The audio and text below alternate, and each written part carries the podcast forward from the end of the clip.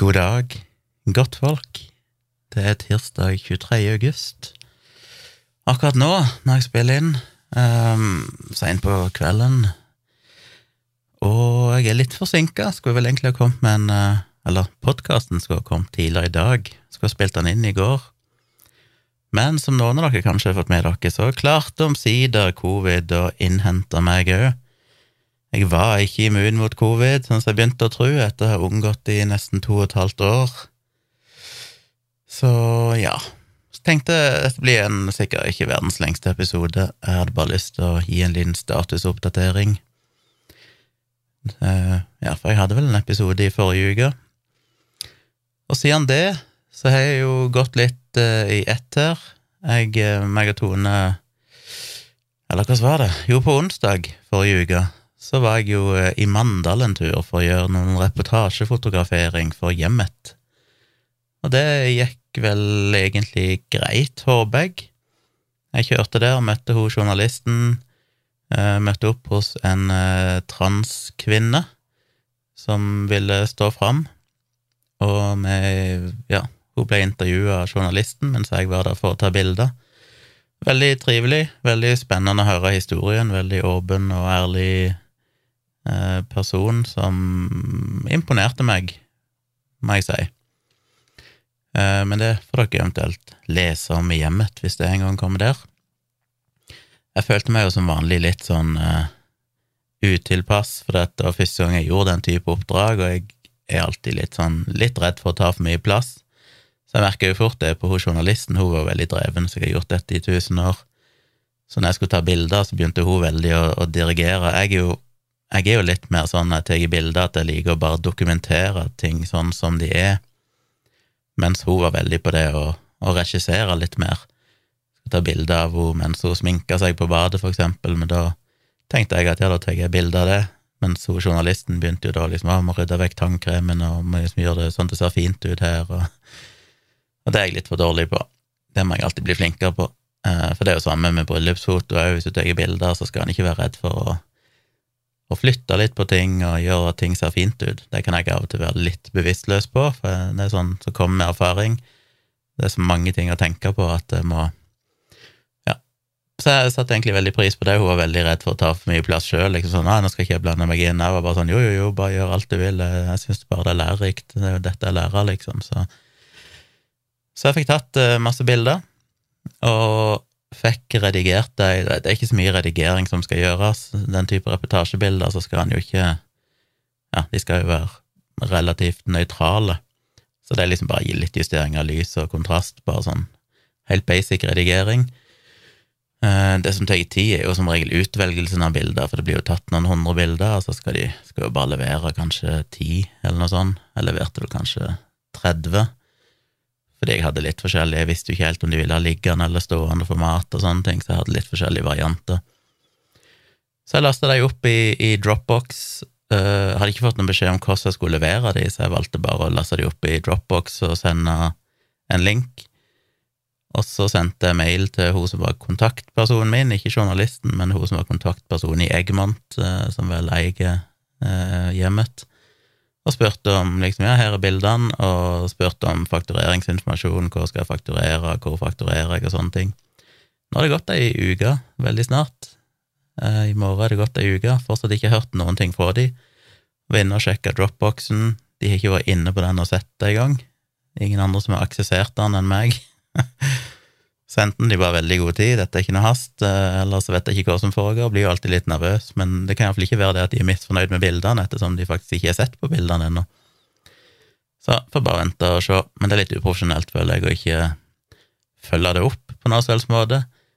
Hun, hun i Eggmont har jo ikke Jeg sendte jo mail i forrige uke òg, før denne fotoshooten, og spurte liksom ja, hva er deadline for levering, og alt mulig sånn, svarte aldri på det heller. Så tydeligvis eh, noen som kanskje er overarbeida eller et eller annet, opptatt med andre ting. Får vel svar når jeg får svar, men jeg håper de blir fornøyd. Jeg tror det ble gode bilder, selv om jeg eh, leser jo ikke hjemmet. Jeg har ikke gjort det siden jeg var veldig liten, i den tid mamma kjøpte hjemmet fast. Tilbake på 80-tallet, kanskje 90-tallet. Ja, nå spørs det hvor mye jeg klarer å prate her uten å hoste. Eh, så jeg husker ikke helt hvordan sånne bilder ser ut. Spesielt eh, Jeg lærte jo litt, og det var sånn De vil ha lyse, positive bilder, mye farger. Som egentlig er litt motsatt av min stil. Jeg er jo kanskje litt mer kjent for å ta litt mer sånn dystre, mørke bilder. Men eh, jeg syns de ble lyse og fine, de bildene jeg tok. Og hun intervjuobjektet var jo Hadde en svart topp på seg, for eksempel og da var jo journalisten sånn, ja, de pleier ikke like svart, de vil ikke ha svarte klær, så de må skifte til noe annet. Alltid gøy å lære sånne ting. Det er sånn jeg aldri hadde tenkt på. Jeg tenkte sånn, hun må vel være kledd i akkurat det hun har lyst til å være kledd i, men her skal det regisseres, så, så det var jo en lærerik prosess. Og hvis de er fornøyd med bildene, så vil jeg jo gjerne ta på meg flere av den type oppdrag. Jeg syns det er ganske gøy. Og det er ikke så fryktelig mye jobb heller, for det er ikke sånn supermye redigering som må til og sånn. Det er mer bare å møte opp og ta bildene, og så er det lærerikt. Syns det er gøy å høre på den type intervjuer. Lære ja, høre andre folk fortelle om sine liv og utfordringer. Så ettersom jeg ble ferdig med bildene fort, så allerede på samme ettermiddagen, på onsdag ettermiddag, så fant meg og Tone ut at ja, da kjører vi bare til Oslo, da. Og da hadde jeg en del oppdrag i Oslo. Jeg skulle ta restaurantfoto på torsdagen, jeg skulle ta bilde av Dag Dag Sørås eh, på fredagen, og jeg skulle ta noen bryllupsbilder på lørdagen, så jeg måtte ha med meg ganske mye utstyr. Så jeg hadde jo pakka alt dette her, og vi reiste litt sånn spontant. Jeg måkte alt ut i bilen, fulgte opp hele bagasjerommet på bilen med fotoutstyr. Det var en svær softbox og to mindre softboxer og stativer og blitser og kameraene, selvfølgelig, og i tillegg til klær og sånne ting. Uh, en sånn svær bakgrunn som jeg har, som du kan folde sammen, så jeg kan få en nøytral bakgrunn til portrettfotografering. Og idet vi skulle kjøre, så ble jeg sittende i bilen lenge før jeg kjørte, og tenkte sånn, gikk mentalt gjennom hele greia. Sånn, har jeg alt nå? Jeg har stativet, har rakettene jeg trenger, har blitser, jeg har batterier, minnekort, liksom, jeg har alle tingene. Så kjørte vi til Oslo. Når vi kommer til Oslo, parkerer og skal ta ut av bilen, så kommer jeg på at fuck, jeg glemte rett og slett den siste ryggsekken min med laptopen.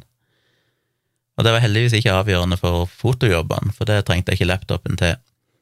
Men eh, jeg må jo egentlig ha en laptop i tilfelle det skulle skje noe i jobbsammenheng, noe jeg må følge opp eh, i min eh, dayjob. Så det var litt sånn at på den lille hybelen vi har i Oslo, så har jeg jo en ekstern skjerm, og så har jeg en mus og sånn at jeg kan koble til laptopen på den hvis jeg må gjøre noe jobb der. Så jeg tenkte bare sånn worst case, hvis det skulle dukke opp noe, så må jeg bare springe ned på Eplehuset og kjøpe den billigste Mac Minien de har, og bare smukke den opp. Den koster vel en sånn 10 000 kroner eller noe sånt, eh, som er god nok til å få gjort eh, en jobb. Kjøpe det på, på firma. Det hadde ikke vært helt, helt feil. Det, skal, det er jo praktisk for meg å ha en sånn maskin der inne òg. Men tenkte det var sånn worst case-utfall, så hvis noe skulle skje, så var det ikke verre enn det, liksom. Men uh, heldigvis så skjedde det ingenting kritisk, så det gikk greit. Men det er vel det er vel omtrent den lengste perioden jeg har vært uten en datamaskin de siste si 30 årene i, i mitt liv. Det var liksom det ble, nei, det ble torsdag, fredag, lørdag, tre dager uten å ha en laptop med meg eller en datamaskin med meg. Det, det er lengst jeg har gått uten datamaskin, tror jeg. Så det var litt sånn eh, nerve-wracking, bare den følelsen. Og litt sånn kjipt fordi jeg plutselig, etter hvert som jeg tok mer og mer bilder, hadde jo tre oppdrag, så hadde jeg kun bildene på minnekortene. Og nå har jeg riktignok to minnekort i kameraet, sånn at alle bildene jeg tar, blir lagra på to kort. Så om ett av kortene skulle feile, så har jeg fortsatt et backup-kort med akkurat de samme bildene på i samme kvalitet.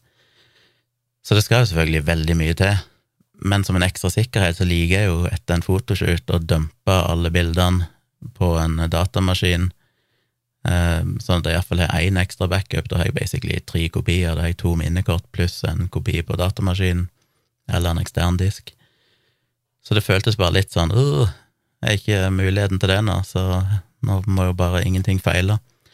Ja, altså igjen, det var ikke så kritisk, jeg hadde jo dobbelt opp med minnekort, men, men allikevel, jeg liker ikke det når ikke disse rutinene mine kan følges. Jeg liker jo å ha backup av backup av backup og ha ting sikkert. Men alt gikk jo bra. Så på torsdagen så var jeg på Brasseri Hansken. Ja, først var jeg jo innom Scandinavian Photo og fikk henta dette nye objektivet mitt, som virkelig har innfridd. Denne her Tamron 35 til 150 millimeter, som jeg fikk levert, og fikk testa det ut på eh, Brasseri Hansken først, der jeg tok restaurantfoto, og det var jo en helt ny verden på mange måter, for plutselig så trengte jeg bare ett objektiv, istedenfor å drasse rundt to kamera eller drive og springe fram og tilbake og bytte objektiv hele tida. Så klarte jeg meg basically med ett objektiv. Selvfølgelig er det situasjoner der du må ha andre objektiv òg, men det er liksom 95% av bildene, i denne tilfellet 100 for jeg tok ikke noen andre typer bilder enn jeg trengte akkurat det objektivet til. Så det bare føltes så utrolig frigjørende med en gang. Så jeg fikk tatt de bildene. På ettermiddagen så satte meg og Tone oss på en eh, kafé i Oslo, og så sendte jeg melding til en gammel eh, barndomsvenn av meg som bor i Oslo, som ikke jeg har sett på ei stund. Spurte om han tilfeldigvis hadde tid til en kaffe, og det hadde han. Så vi, møtte jeg han, satt med og prata noen timer, det var hyggelig. Og så på Dette var torsdagen, ja. Og så på fredagen så var det den eh, berømmelige fotoshooten med Dag som jeg virkelig hadde grudd meg til, fordi jeg blir så stressa med tanke på sånn jeg, jeg alt utstyret, hvordan gjør jeg dette, kan jeg få dette til, liksom? Men eh, det tror jeg gikk greit. Eh, nei, nei, første jeg gjorde når jeg kom hjem igjen i Oslo, var jo å importere alle bildene og sånn, og sørge for at de ble backa opp både på eksterndisk og ekstern server og i clouden, så jeg har liksom fem kopier av det, eller, eller sånn. Eh, det føltes godt når jeg visste at det er gjort, men så har jeg ikke gjort noe mer enn det, for jeg ble jo sjuk etterpå. Men jeg vet iallfall at alle bildene er der. Jeg får kikka sånn kjapt igjennom og sett at ja, ok, her er bildene, og de ser, ser ok ut. Så jeg gleder meg til å Eller gleder meg, jeg gruer meg òg, for det er så satans mye bilder. Men det blir spennende å gå gjennom de. Så vi møtte altså opp på eh, oppe i Nydalen hos eh, der som jeg har jo vært der før, i bygget til Monday og TV Norge og Feelgood Stage og hele gjengen. Der jeg jobba et halvt års tid når jeg jobba hos Folkeopplysningen, så har jeg jo hatt kontor der. Så jeg måtte jo stikke hodet innom Teddy TV, de som lager Folkeopplysningen, og sjekke om det var noen der, og det var han produsenten der, han som var på en måte sjefen min, som fikk prata litt med han. Snakka litt om eh, den nye sesongen av Folkeopplysningen som kommer nå. Øyeblikk. Begynner vel nå i september. Begynnelsen av september. Men iallfall, vi kom der, eh, fikk et lite green room, et sånt lite studio de hadde, som vi kunne bruke. Det var litt mindre enn jeg hadde trodd, men vi fikk flytta vekk litt utstyr og sånn, og rigga ikke til, og så heldigvis så gikk eh, manageren og de andre i managementet til Dag, de forsvant bare, sånn at vi kunne være aleine. Jeg hadde heldigvis med meg Tone, eh, og det var en utrolig god hjelp, både fordi hun òg kjenner jo Dag godt, og fungerte litt som en sånn icebreaker, for det kan fort bli litt sånn kleint. Hørte Dag òg sa det i podkasten sin, at uh, han visste jo ikke helt om det var en fordel eller ulempe at han kjente meg. For tidligere har han jo jobba med fotografer som han ikke liksom er venn med sånn personlig. Og jeg, jeg ser absolutt den, jeg tenker akkurat det samme, at på en måte er det lettere når du har en slags profesjonell distanse til, til modellen, fordi da kan du oppføre deg mer profesjonelt. Mens når det er dag, så er det plutselig Da blir det veldig sånn nært, plutselig. Det er sånn, å, Nå skal jeg plutselig være formell og liksom profesjonell i denne jobben. Så det er litt sånn kleint. Og det var veldig kleint for Dag. Men han sa jo etterpå at det gikk faktisk veldig greit, og at han var egentlig syntes det hadde gått bedre enn han frykta. Så får håpe det. Men det var veldig god hjelp av Tone der, for hun var veldig flink til å liksom, både hjelpe til med å holde reflektor og hjelpe meg å rigge litt opp og sånn. og og bare prate med Dag og komme med ideer og sånn, for det er jo det som er vanskelig. det er sånn, ok, hvorfor, Hva skal vi gjøre nå? Nei, vi har tatt bilde sånn og sånn, hvordan kan du nå stå, hvordan, hvor skal du ha hendene dine? Alt de der fuckings hendene. Det er så problemet i alle bilder, det er sånn, hvor gjør du av hendene dine? Men vi fikk tatt mye forskjellige varianter, og jeg, vi brukte jo, vi hadde jo dette studioet i tre timer, vi brukte jo nesten tre timer. Det er jo selvfølgelig altfor mye. Men det er jo egentlig det som er forskjellen på en som har gjort det tusen ganger, og en som er relativt fersk, sånn som meg. Det er jo sannsynligvis ikke nødvendigvis bare kvaliteten på bildene, men det er jo hvor fort du får jobben gjort.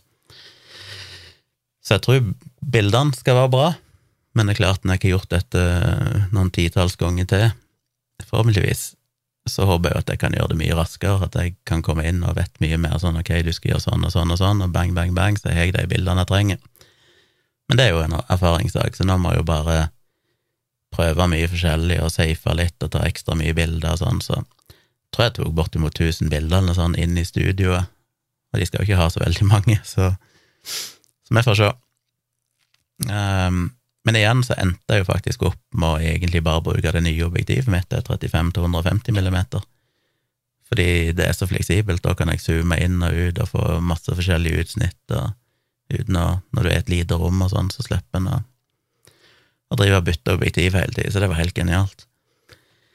Eh, og så hadde vi en avtale om at jeg skulle være med på det showet som Dag hadde på kvelden, på Njø scene i Soria Moria i Oslo, oppe på Torshov.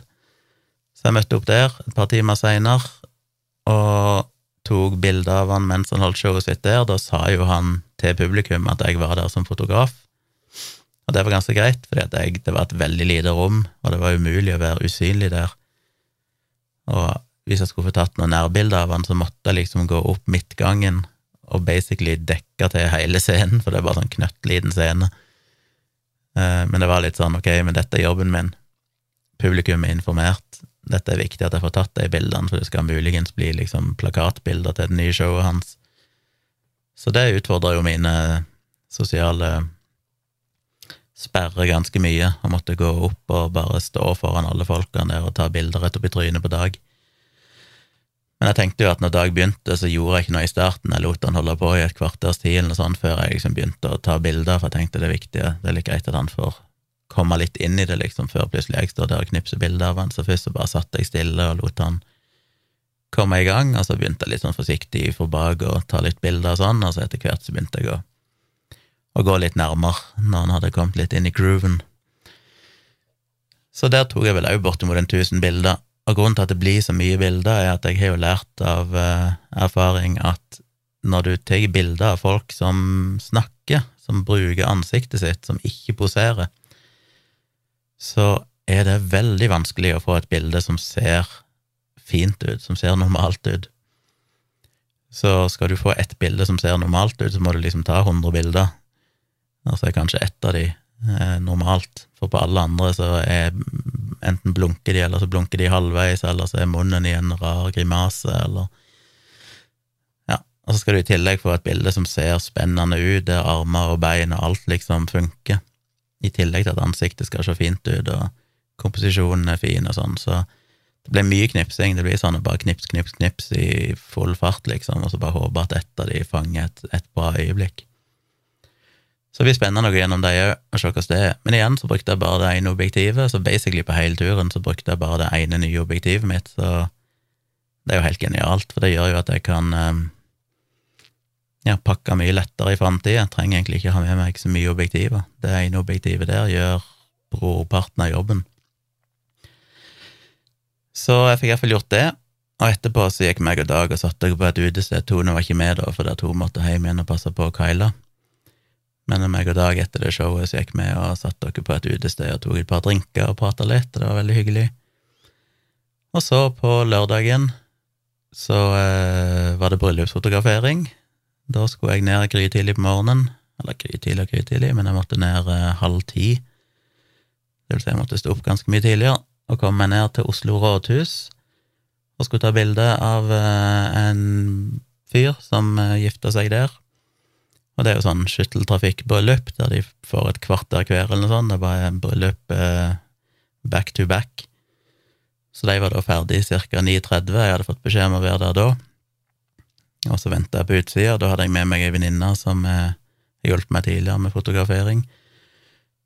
Så sto vi der og venta på den eh, store trappa ut forbi rådhuset. Og så kommer de ut, og så var det bare å ta masse bilder av de der, og så var det å ta bilder med familien og forlovere og hele sulamitten der. Og så tok vi med oss brudeparet opp med Akershus festning, og så gikk litt rundt der og tok en del bilder. Og det tror jeg òg fungerte. Jeg har ikke rukket å sett noe på de bildene ennå, men det håper jeg ble greit. Igjen så tok jeg sikkert, jeg vet ikke hvor mange bilder jeg tok, men sikkert uendelig mange. Og de skal ikke ha så mange bilder i henhold til avtalen. Jeg husker ikke hvor mange de skal ha, men eh, det blir ikke vanskelig å levere det antallet de skal ha, iallfall, og vel så det. Men de må bruke litt mer tid på å redigere. Så det ble mye bildetaking. Etter vi hadde tatt bryllupsbildene, så kjørte vi opp til, til Dag. Da fikk eh, Tone besøk av Dag hjemme for første gang. Jeg har jo vært der en gang før, da vi spilte inn dialogisk i juni. Da fikk vi hilst på eh, den nye hunden til Dag.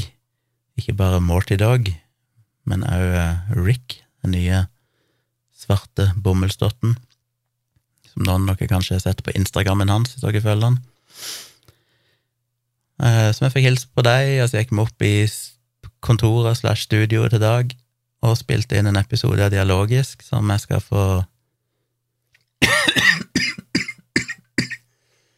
publisert. Snart. Er bare ikke hatt overskudd til det av denne sykdommen. Eh, men hvis dere hører denne episoden Dialogisk, så merker dere kanskje at jeg begynner å hoste en del mens vi spiller inn den. Og det slo meg jo ikke da at nå var i gjære, men jeg hosta ganske mye mens vi spilte inn, den, spilte inn den episoden. Og etter vi hadde spilt den inn, så kjørte jo meg og Tone rett hjem igjen til Vennesla. Tone sov en del på den turen, for hun hadde ikke sovet så godt på natta, så jeg kjørte hele veien. Og når vi kom hjem, så følte jeg at jeg var ikke helt i form, måtte jeg liksom innrømme for meg sjøl, men jeg måtte ned og prioritere og få importert alle bildene og være sikker på at jeg hadde det man liksom gjør uansett hvor sjuk en er, så må han få tatt den der eh, importen av alle bilder, så han er sikker på at han er sikra seg backup av, av det.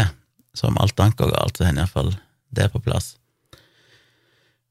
Og så, etter jeg hadde gjort det, og det tok ganske lang tid, for det var, det var mye bilder, så eh, gikk jeg rett og slett bare opp og la meg, og Tone òg la seg. Og jeg kjente det at nå er jeg ikke helt god. Og så våkna jeg neste morgen og var ganske jeg Hadde feber og greier. Jeg husker jeg bare gikk inn og dusja. Og uten å vaske meg, jeg trengte bare liksom å komme meg under varmt vann, for jeg hadde sånn kaldsvetting, jeg var sånn iskald og svetta, så jeg måtte bare stå under varmt vann. Fuck eh, strømpriser og alt det der, måtte ikke tenke på det, måtte bare stå under det varme vannet og få varme i kroppen. Og tørka meg, og så jeg bare inn igjen og la meg i senga, og resten av den søndagen husker jeg egentlig ingenting av. Jeg var noen sånn vage, vag fornemmelse av Tone. Var jo som alltid verdens beste sykepleier og kjæreste, og hun lå i senga og koste med meg og, og passa på meg og sørga for at jeg fikk alt jeg trengte, men hun sa jo det etterpå at hun følte seg ganske aleine, for det var helt umulig å kommunisere med meg. Det var bare som jeg snakka i søvne, liksom. Jeg var jeg husker egentlig ingenting av søndagen. Og så fant vel hun ut at hun skulle sove inn hos, uh, på Maja, dattera mi, sitt rom. Hun ville ikke sove inn hos meg, bare sånn for å prøve å redusere sjansen litt for at hun skulle bli smitta, selv om det løpet var vel kjørt etter hun hadde leia var ganske kosete med meg og sånn hele dagen uansett, men hun gjorde nå det, og det var for så vidt greit, fordi at den natta der, natt til mandag, den var ganske grusom. Det var sånn Vet du, Jeg har sagt det før for de som har hørt meg snakke tidligere om at i gamle dager, i min oppvekst, så hadde jeg alltid influensa en gang i året. Fram til jeg begynte å vaksinere meg for en eh, ja, godt over 15 år siden eller sånn. Jeg begynte med fast influensavaksinering. Jeg fuckna meg jo i den sesongen igjen, må snart begynne å tenke på det igjen. Men iallfall, etter det så har jeg aldri hatt influensa. Og nå er det jo mange år siden jeg har vært sjuk i det hele tatt, i noen som helst form. Jeg har vært helt sånn bemerkelsesverdig frisk, ikke hatt omgangssjuke, ikke hatt forkjølelse. Kan ikke huske sist jeg hadde vondt i halsen, mens fram til jeg var rundt 40 et eller annet, så hadde jeg det jevnlig. Så et eller annet har skjedd, det er bare, kanskje det bare fordi jeg har vært så usosial de siste årene at jeg ikke har pådratt meg smitte, men men iallfall vært bemerkelsesverdig frisk, Eh, men dette var første gang jeg har opplevd det som jeg opplevde før i tiden jeg hadde influensa, og som var grunnen til at jeg begynte å vaksinere meg, for for meg så var influensa så grusomt. Det var, Det var liksom 40 i feber, det var feberfantasier, kaldsvetting, det var oppkast, det var smerter i hele kroppen. Alt det der var helt grusomt, og det varte i dagevis. Og det kjente jeg på nå igjen. Den notta der var bare sånn Ja, det er som en sånn mareritt. Det er bare sånn evigvarende mareritt der du, du sover i ti minutter, og så våkner du, og så kaldsvetter du, og så er du vondt i hele kroppen. Prøver å legge deg i forskjellige stillinger, og du er så svett, og tar du av deg dyna, og så bare fryser du med en gang, for du er jo dassblaut.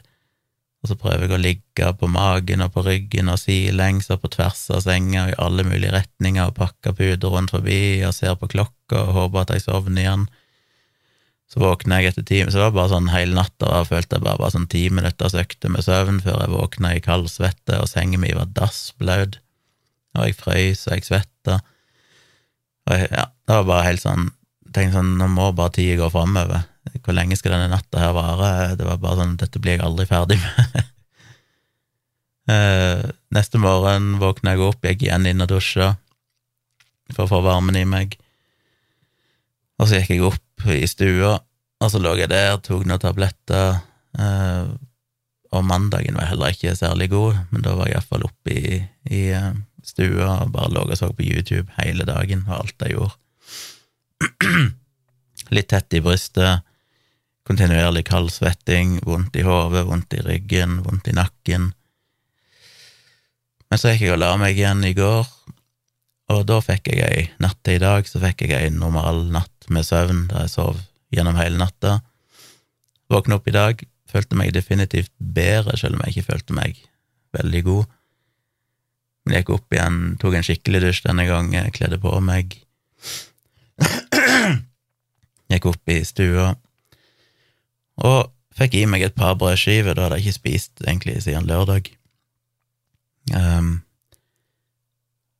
og så har jeg egentlig bare leid opp i dag òg og sett på YouTube, og begynt å se på Indian Matchmaking på Netflix, sammen med Tone. Men selvfølgelig så har jo Tone begynt å føle seg dårlig i dag, med vondt i halsen og vondt i nakken, og jeg har faktisk ikke hatt vondt i halsen, selv om det visstnok er et ganske vanlig symptom på omikron men jeg har ikke hatt noe vondt i halsen. Eh, jeg testa meg jo, bare for å ha sagt det, eh, mandag morgen, og det slo jo kraftig ut på selvtesten, så det var ikke noen tvil om at jeg hadde covid. Tone testa seg tidligere i dag, men da testa hun negativt, men eh, da swabba hun ikke halsen sin, kun nesa, så det er mulig det er det, ellers var det bare for tidlig. Se om jeg kan få henne til å ta en test igjen nå før hun legger seg, og se om hun får en positiv test nå. Det vil være rart om ikke det er covid hun har. Ikke noe tilfeldigvis nå har jeg blitt eh, sjuk med litt av de samme symptomene, men det er ikke sånn veldig dårlig ennå. Men eh, ja, forhåpentligvis er det ikke covid, og hvis det er covid, så håper jeg hun får et mildere forløp. Og så håper jeg virkelig at ikke jeg får sånn tilbakefall, sånn som er ganske vanlig, der folk sier at de er dårlige en dag eller to, og så blir de bedre igjen, og så plutselig blir de dårlige igjen. Det hadde jeg blitt irritert på. Men det kanskje kjipeste med hele denne affæren, er jo at i morgen, onsdag, så skulle jo vi ha reist til Kenya.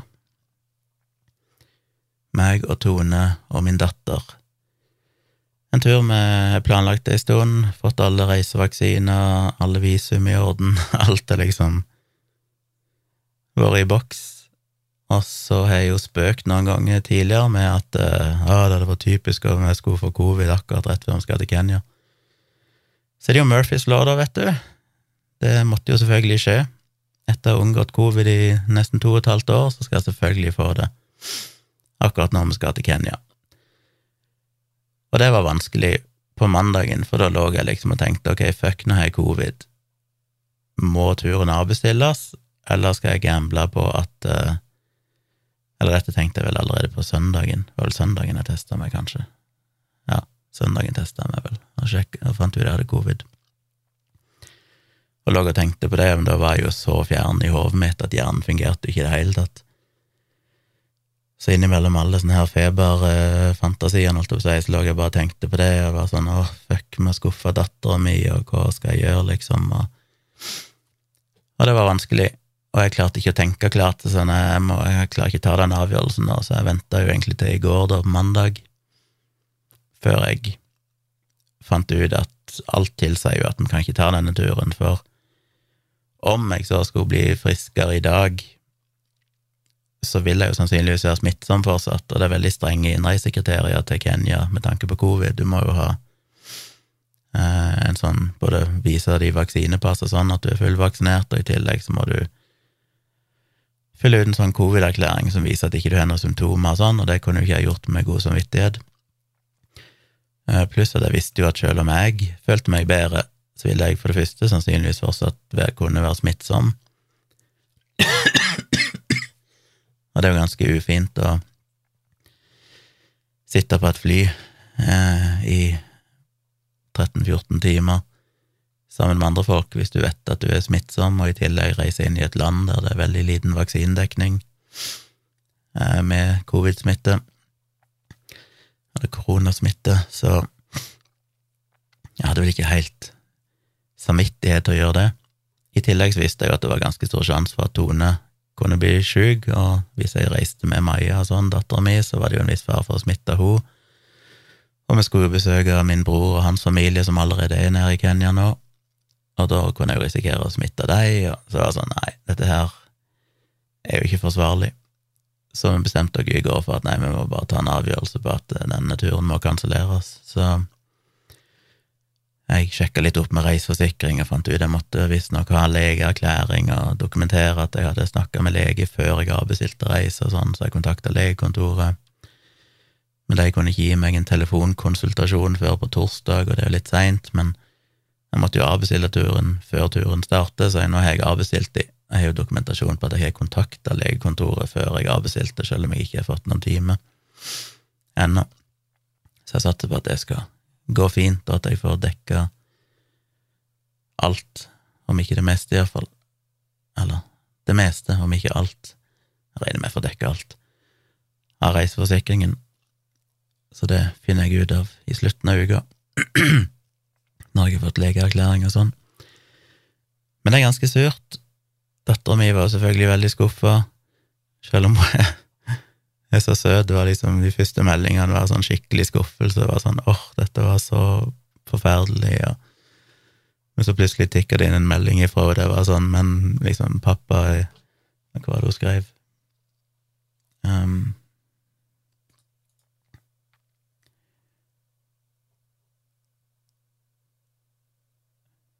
Jeg håper det går fint for deg, skjønner at du får mye stress med avbestilling videre nå, og ikke føler at det, alt dette er din feil, for det er det absolutt ikke. Altså hjerte-emoji. var så god. Så det var søtt. Hun, hadde, hun sleit litt med det, tror jeg, at hun var veldig skuffa, men samtidig var veldig forståelsesfull, og skjønte jo at dette ikke var noe, dette var jo ikke min feil, og det var ikke noe noen nok ønska. Men det er surt, for det, meg og Tone og Maja har jo planlagt to turer sammen. Den første var jo Vi skulle reise til Praha i påskeferien 2020. Hadde jo bestilt turen og alt, gleda dere til det, og så kom jo pandemien. Og Da ble det jo innreiseforbud og utreiseforbud og alt som var, så den turen måtte jo kanselleres. Og så har vi ikke hatt mulighet til å reise, selvfølgelig, de siste par årene på grunn av covid. Men da når vi endelig skulle prøve på nytt, så får jeg jo fanken med covid, sånn at den andre forsøket vårt på å reise sammen igjen gikk i dass. Så vi får bare prøve igjen, seinere i år eller til neste år, så fort det lar seg gjøre, å prøve å få til en skikkelig tur sammen, for det er jeg Ja, det hadde jeg gleda meg til, å få reise med, med familien min, min lille familie, med Tone og Maja. Men covid kommer visst i veien stadig vekk. Så det er vel egentlig det som har skjedd siden sist. Jeg har ikke håpet til å komme med noe særlig substans i denne episoden her. Hjernen min fungerer fortsatt ikke helt. Jeg merker bare det at jeg er Jeg er definitivt bedre i dag, men jeg er sånn kontinuerlig kaldsvetting. Jeg svetter, svetter, svetter, og klarer ikke å kjenne temperatur. Jeg føler at jeg er kald, jeg fryser, men så svetter jeg samtidig, og så åpner jeg døra, og så er jeg kald, og så går jeg under teppet, og så er jeg varm, og så Det finnes ingen temperatur som er behagelig. Alt er bare sånn både og hele tida. Og hjernen min er liksom litt sånn sirup.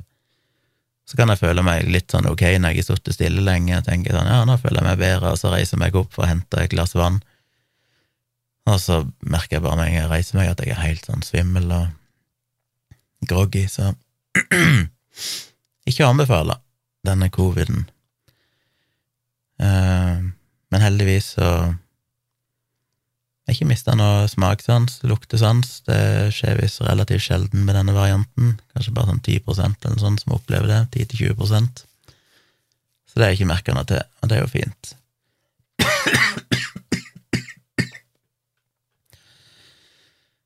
Åh. Har ikke snakka så mye nå på flere dager, så jeg kjenner litt sånn tett i lungene. Heldigvis i omikron-varianten går jo mindre utover lungene enn tidligere varianter. Og det er fint, for det er lungene mine jeg er mest redd for, siden jeg har kronisk obstruktiv bronkitt, og derfor blir veldig astmatisk hvis jeg får en eller annen sånn luftveisinfeksjon. Jeg merker jeg er litt sånn tett i lungene, men ikke så veldig ille. Ikke sånn som i gamle dager da jeg fikk influensa. Så håper ikke det siver på noe mer lungetetthet. Det er slitsomt.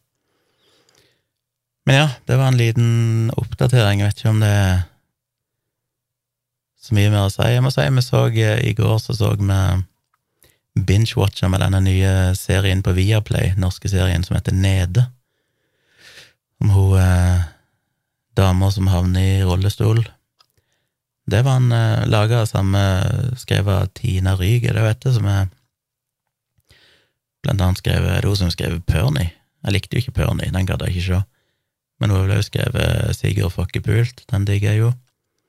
Og så er det vel hun Siri Seljeseth, som er regissør, som lagde denne Unge lovene, som jeg likte veldig godt.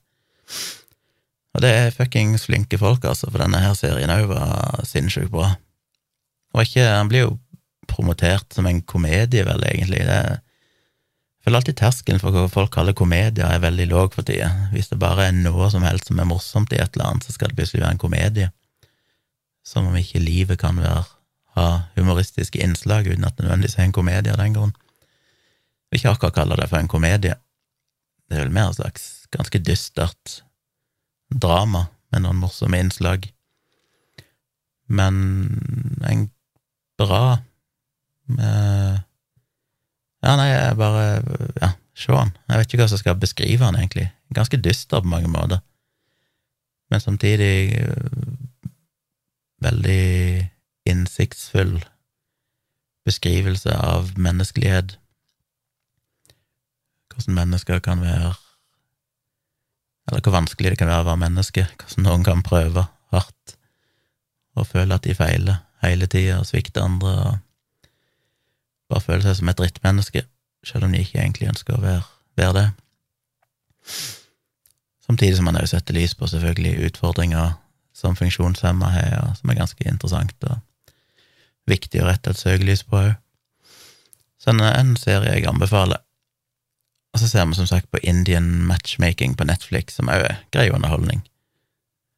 Eh, fascinerende innblikk i en litt annen verden, kanskje. Meg og Tone har jo sett det meste av det som finnes av sånne Love is blind og alle sånne her serier som handler om å matche folk. Alltid interessant å se. Personer du hater, personer du liker. Ja. Så det er mine anbefalinger for i dag. Ellers så håper jeg at jeg er såpass frisk i morgen at jeg kan få begynt å se på disse bildene, for de Dag sine bilder haster det jo litt med, de burde jeg ha i løpet av noen dager.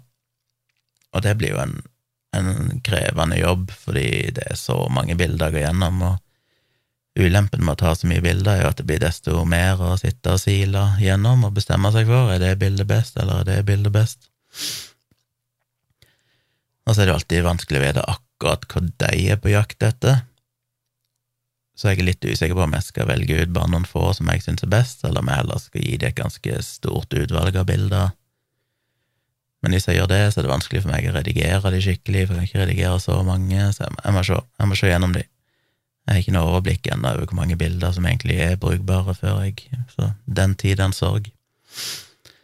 Så må jeg få redigert restaurantbildene. Det jeg begynt å få ganske dreisen på nå, sånn at det pleier å gå ganske fort. Og så må jeg få sett på disse bryllupsbildene, men de er ganske lang leveringsfrist på. Men siden det ikke ble noe Kenya-tur nå, så får jeg nok levert de en del tidligere enn det som jeg opprinnelig forespeila brudeparet. Så, eh, så ja. Så det var en liten statusoppdatering for meg. Jeg håper jo at jeg er litt sprekere på torsdag, så jeg kan spille inn en ny episode der jeg kanskje kan få på plass noe mer innholdsrikt content i denne episoden.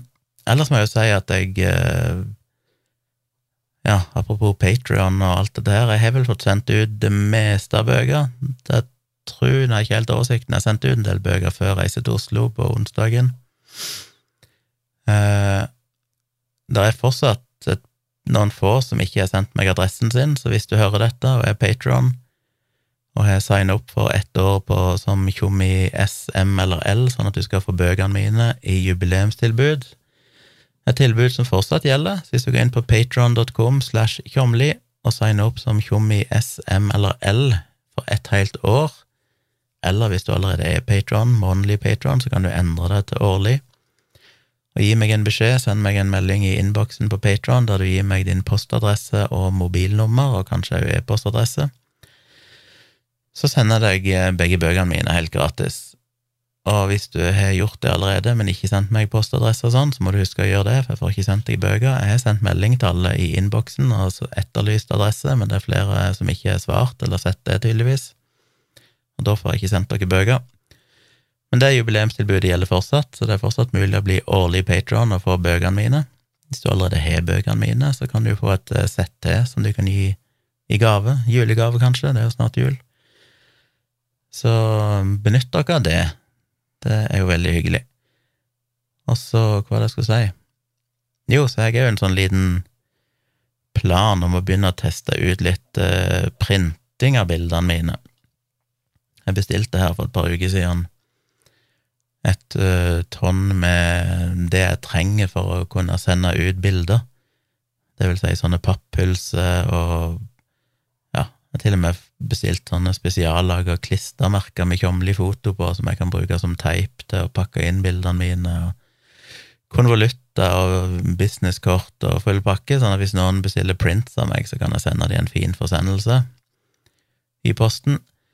Så det kommer jeg tilbake med mer informasjon om så fort jeg er frisk og jeg har fått gjort unna det jeg må gjøre av arbeid med redigering av bilder og sånn, så skal jeg begynne å se om jeg finner noen av mine beste bilder som jeg kan eh, presentere på en fin måte, og tilby for salg. Jeg er ikke helt bestemt meg for om jeg skal gjøre det ubegrensa, eller om jeg skal lage noen nummererte prints, at jeg kanskje bare har fem eller ti eller noe sånt, av enkelte bilder.